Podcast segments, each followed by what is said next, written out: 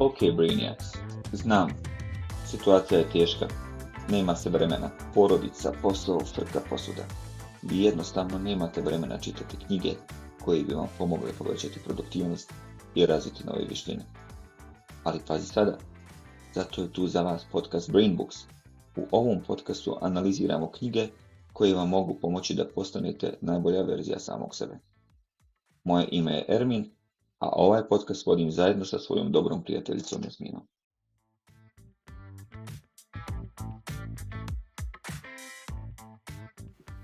Dobar dan sa današnjom novom emisijom podcasta Brain Books. Ovaj put ćemo govoriti o knjizi opet atomske navike, ali ovaj put idemo u praktičan dio. Prošli put smo radili teoriju zašto je James Clear e, postao jedan od e, jako čitanih autora, njegova knjiga Atomske navike bestseller – E, Mnogima je pomogla, a evo sada ćemo vam pružiti par konkretnih primjera kako vi možete zapravo implementirati u svom životu.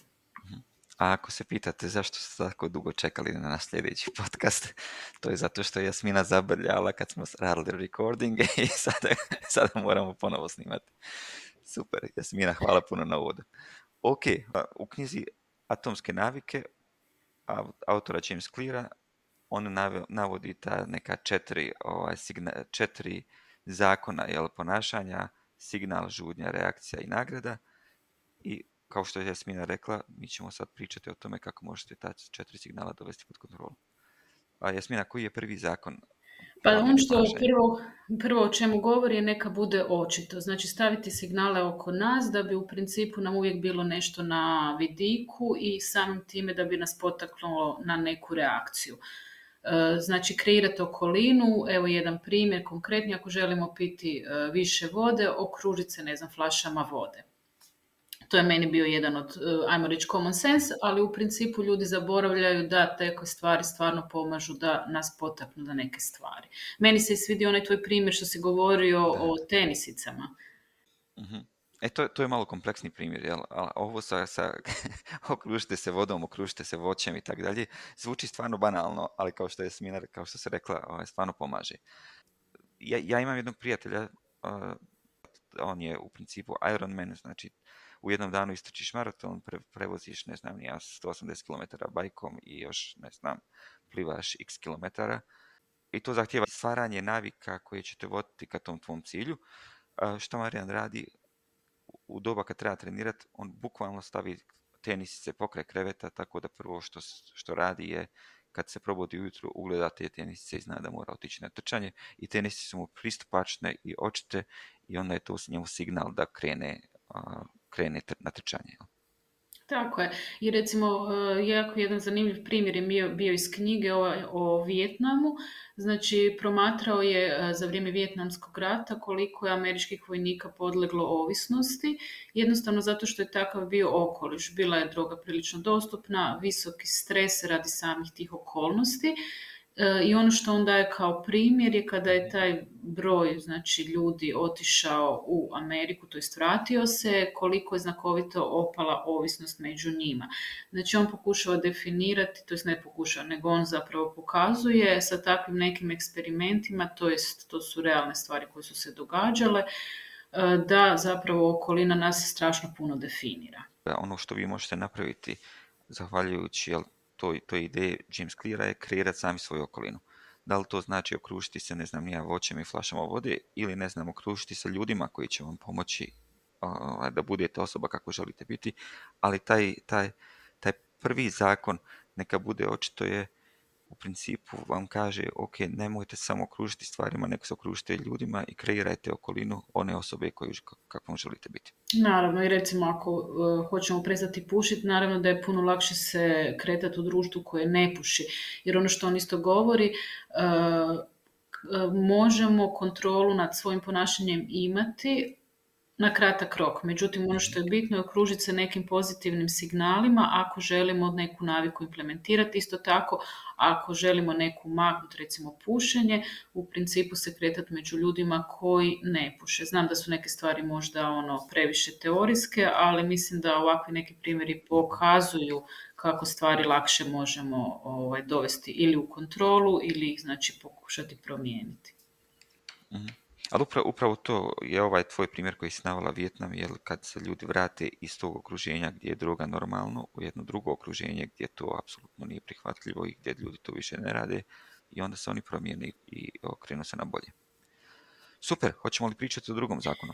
Pa je, drugi zakon je neka bude privlačno, to jest da izazove žudnju u nama, tako da s te strane ako želimo nešto implementirati, trebalo bi napraviti tu stvar privlačno. Isto tako, uvijek možemo gledati i u suprotnom smjeru. Ako neku naviku želimo je maknuti, napraviti je neprivlačno. Znači, jako je zanimljiv primjer moderne prehrambene industrije kada gledamo koliko je tu koncentracija okusa, zašto neki ljudi imaju taj craving ili žudnju prema određenim hranama, zato što se dodaju određeni pojačivači okusa i mi zapravo imamo eh, jako ugodne asocijacije, ne znam, sa hamburgerom, sa Coca-Colom, sa čipsom, prošli put ili E, tako je. Tako da ta koncentracija određenih okusa ili podražaja, možemo govoriti o nekim o gamingu ili takvim nekim stvarima, doprinose do tome da mi krenemo ka tome. Tako da s te strane to je e, primjer gdje se zapravo eksploatira taj naš mozak koji žudi za takvim nekim privlačnim stvarima možda, možda prije nego što krenemo na treći zakon, vrlo, vrlo interesantno ovo što se rekla. Znači, nas, dijelom zahvaljujući ovoj knjizi po, počeo sam promatrati svoje, svoje ponašanje. I, ja iskužio sam da mi je trigger u principu gledanje TV-a. Najveće kada sjednem i upalim TV ili pustim sebe neki film, moj sljedeći trigger je u principu, ok, da li imam negdje kokice ili čipsta da jedem i da gledam TV.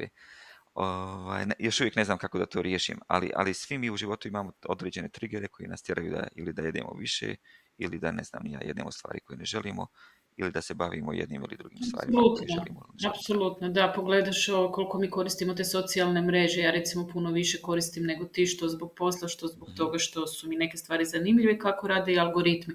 Oni nam stalno nude nešto što u principu nas trigerira da što duže ostajemo na njima i ako sebi ne limitiramo to vrijeme provođenja na socijalnim mrežama, to se može pretvoriti u od minuta, u sate i to zaista, evo, nek svatko od nas može pogledati koliko tijekom dana provede na Instagramu, Facebooku, TikToku, bez obzira što mi imamo puno korisnih informacija na njima. Ja sama sam jako puno saznala. E, mogu reći da neke stvari stvarno treba ograničiti, inače ta privlačnost se stalno kreira. I zapravo ovaj tu eh, dio eh, Ernik meni se svidjelo o slaganju navika, pa onda ovaj, možda je zgodno da čitatelje, to jest slušatelje i uvedeš u taj dio. A pa James Clear u svojoj knjizi navodi nešto što se zove slaganje navika jel, ili, ili habit stacking. I taj habit stacking znači ako izdef, ako već vi imate definiran dan, a svako, svakoga od nas ima, ne znam, buđenje, pranje zuba, tuširanje, ne znam, odlazak, ne znam, pijenje kafe ujutru i tako dalje, svako od nas ima neki ritual, jutarnji ili večernji i tako dalje, na taj ritual koji već postoji, koji je već ugrađen kod nas, zašto ne bi dodali neku drugu naviku koju želimo raditi. Ja sam tako počeo čitati knjige. To ujutro kad se probudim, ja pijem kafu, ta kafa mi je nagrada, jel, kad je napravim, onda sam rekao sebi, ok, kad napravim tu kafu i prije nego što je počnem pit, počet ću, ne znam, ja čitati jednu stranicu knjige.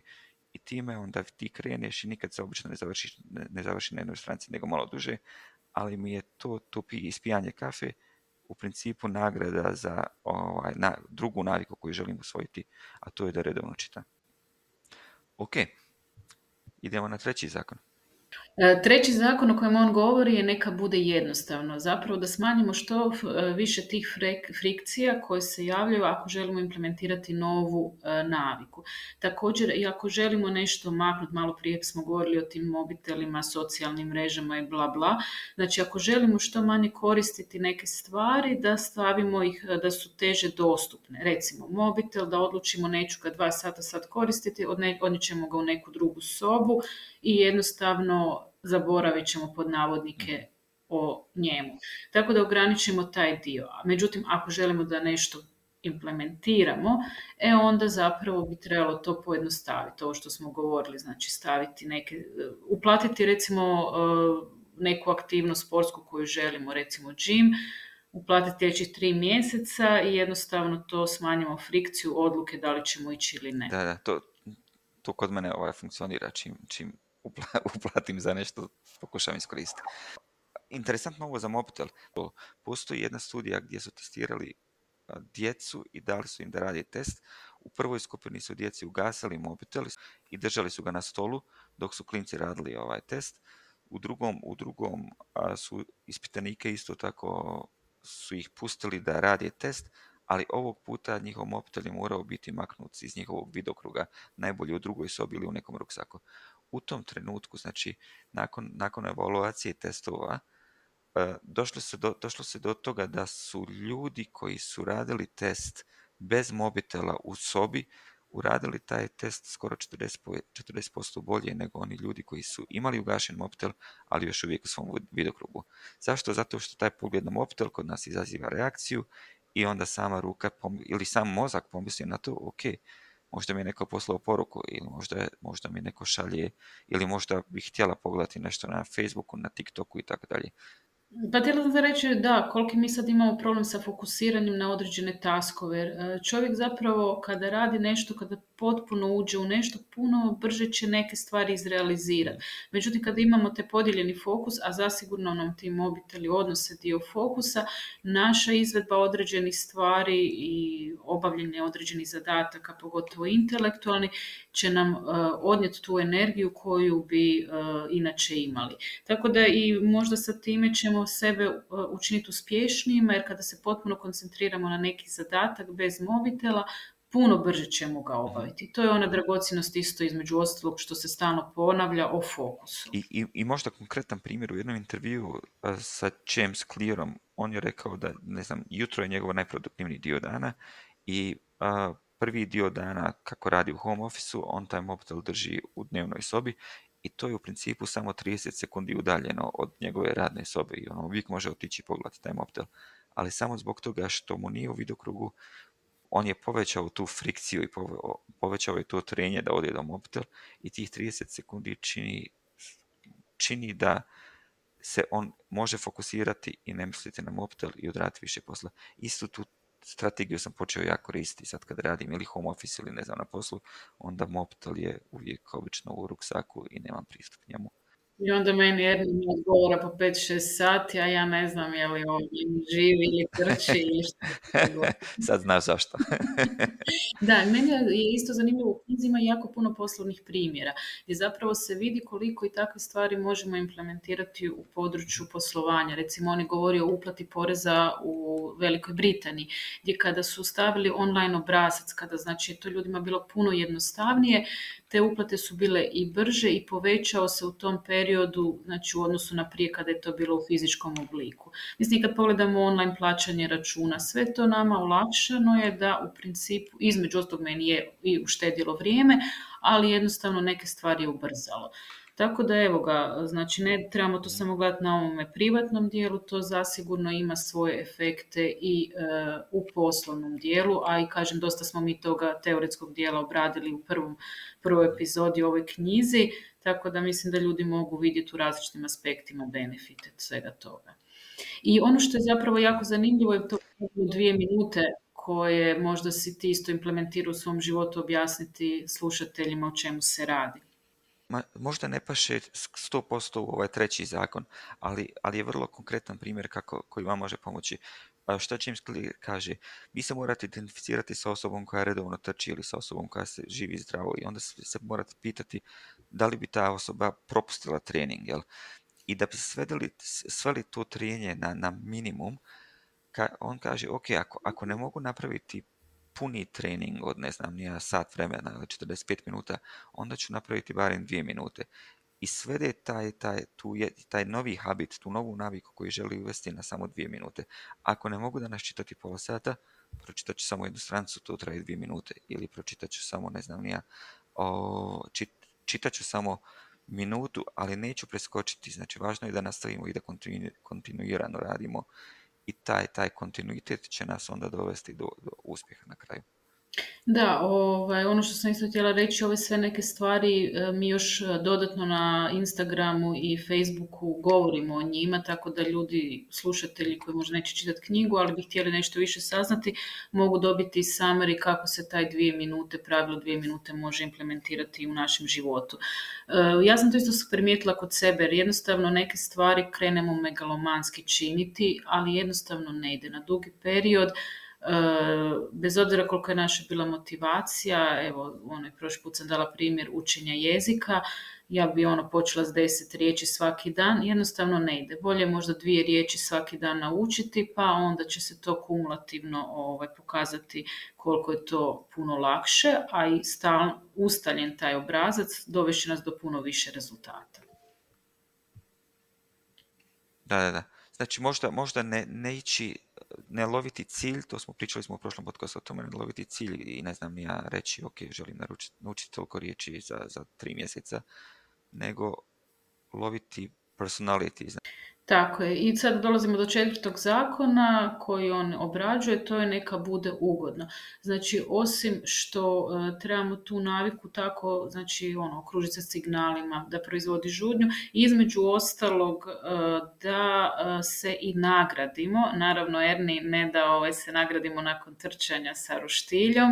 Kolači. Nego da to bude...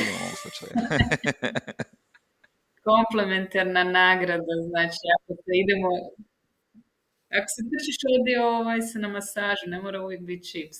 E, ja ne znam, jesam li to pričao o, u prošlom podcastu. Šta sam, šta sam napravio prije par ovaj, mjeseci, ja sam stvarno trčao 10 km da bi stigao na barbecue party. Gdje se poslije ubio. da, kada James Lee govori neka bude ugodna i nagrada, da to bude komplementarno. Upravo, upravo tako. S time, evo, recimo, on je znao zanimljiv primjer, kad će govorio o bračnom paru koji je možda izlazio previše na večer i htio je nekako uštedjeti. E, onda su odlučili e, napraviti fond koji se zove Putovanje u Europu, jer naravno govori o Americi, i svaki put kad ne bi otišli na večeru, oni su stavili taj iznos koji bi otprilike potrošili u tu kasicu i tako su generirali određeni prihod. Znači, to je bila neka komplementarna nagrada onim navikama koje su zapravo htjeli e, promijeniti. Tako da evo ga, super mi je mhm. i taj dio. Onda recimo i za pušenje, ako nećemo to je tako želim. uvijek kada govorim o svojim putovanjima, ljudi me pitaju za između ostalog naravno kako to financiram. E, puno lakše mi je to objasniti pušačima kad kažem, evo samo izračunajte koliko vi godišnje dajete za te cigarete i koliko je moja aviokarta, ne znam, do Kolumbije, pa ćete otprilike shvatiti ovaj, kako možete između ostalog uštedjeti. E, to me podsjeti na, jedan, na jedan vic, ovaj, zato što ja nisam uvjeren da bi to kod mene funkcioniralo.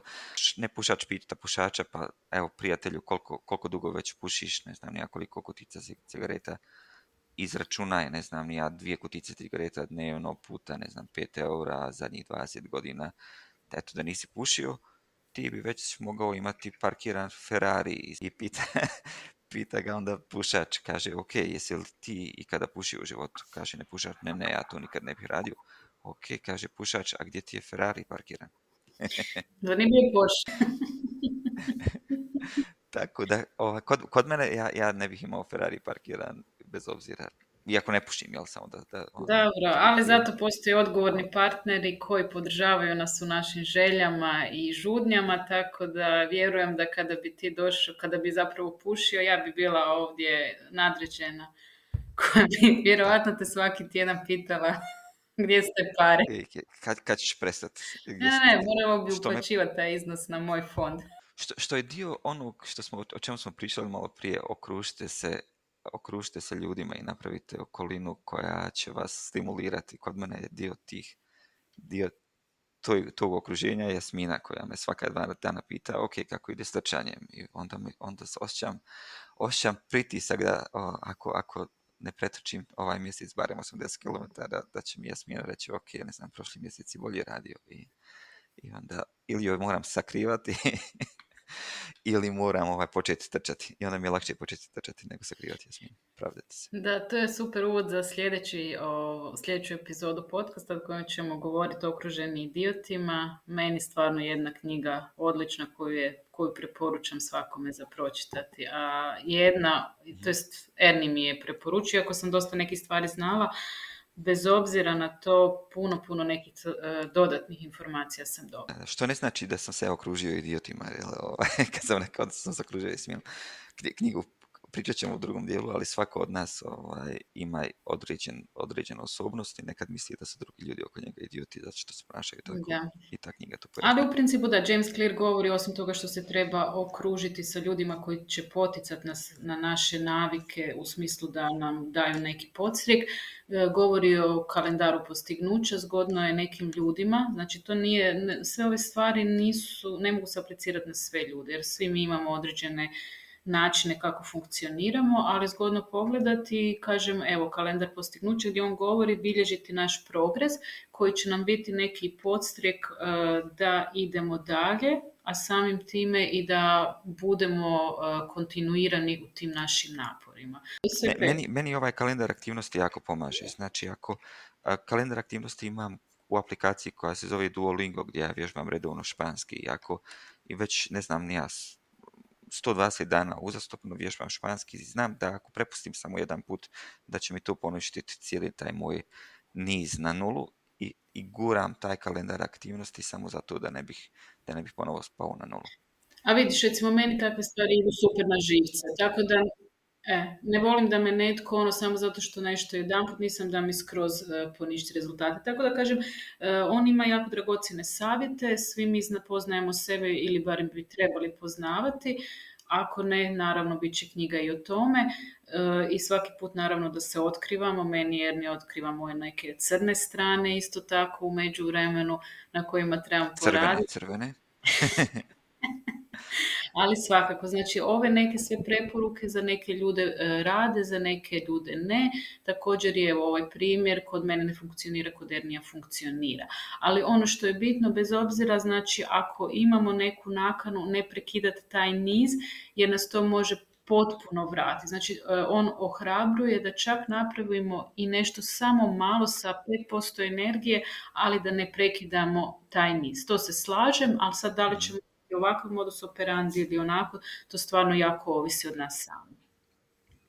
Ok, i možda sad da napravimo wrap up i da kažemo ljudima ok, koji su takeaways, znači što oni mogu ponijeti iz ove knjige. Jasmina i ja smo odabrali tri osnovne stvari koje vi trebate ponijeti iz knjige Atomske navike.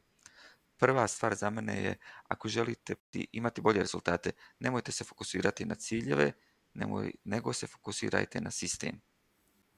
Tako je. Drugi takeaway bi bio e, okoliš i nevidljiva ruka koja, koja djeluje na ljudsko ponašanje. I u trećoj stvari smo pričali, pričali smo o njoj više, više puta, znači najefikasniji način za vas da promijenite vaše navike i usvojite nove navike je da se ne fokusirate na ono što želite postići, nego se fokusirate na tip osobe kakvom želite postati. Tako je.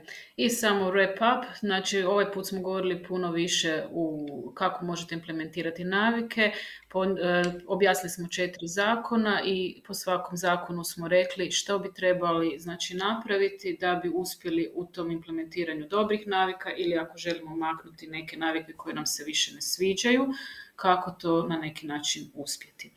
Evo, toliko od nas. Nadam se da smo vam pomogli i da ćete neke stvari naći da su korisne i za vas i vaši život. Erni, reci ti nešto ovako pametno. Da li ste ikada došli u situaciju da mislite da ste vi jedini u pravu i da su svi oko vas idioti? Da li je ikada vaša diskusija sa partnerom otišla u pogrešnom smjeru, iako ste imali dobru namjeru? Knjiga Okruženi diotima Tomasa Eriksona govori o četiri tipa ponašanja i kako efikasno komunicirati se svima na poslu, ali i u privatnom životu. Zapratite nas na našem podcast kanalu jer upravo o tome pričamo u našoj sljedećoj emisiji. Puno pozdrava, Jasmina Jer.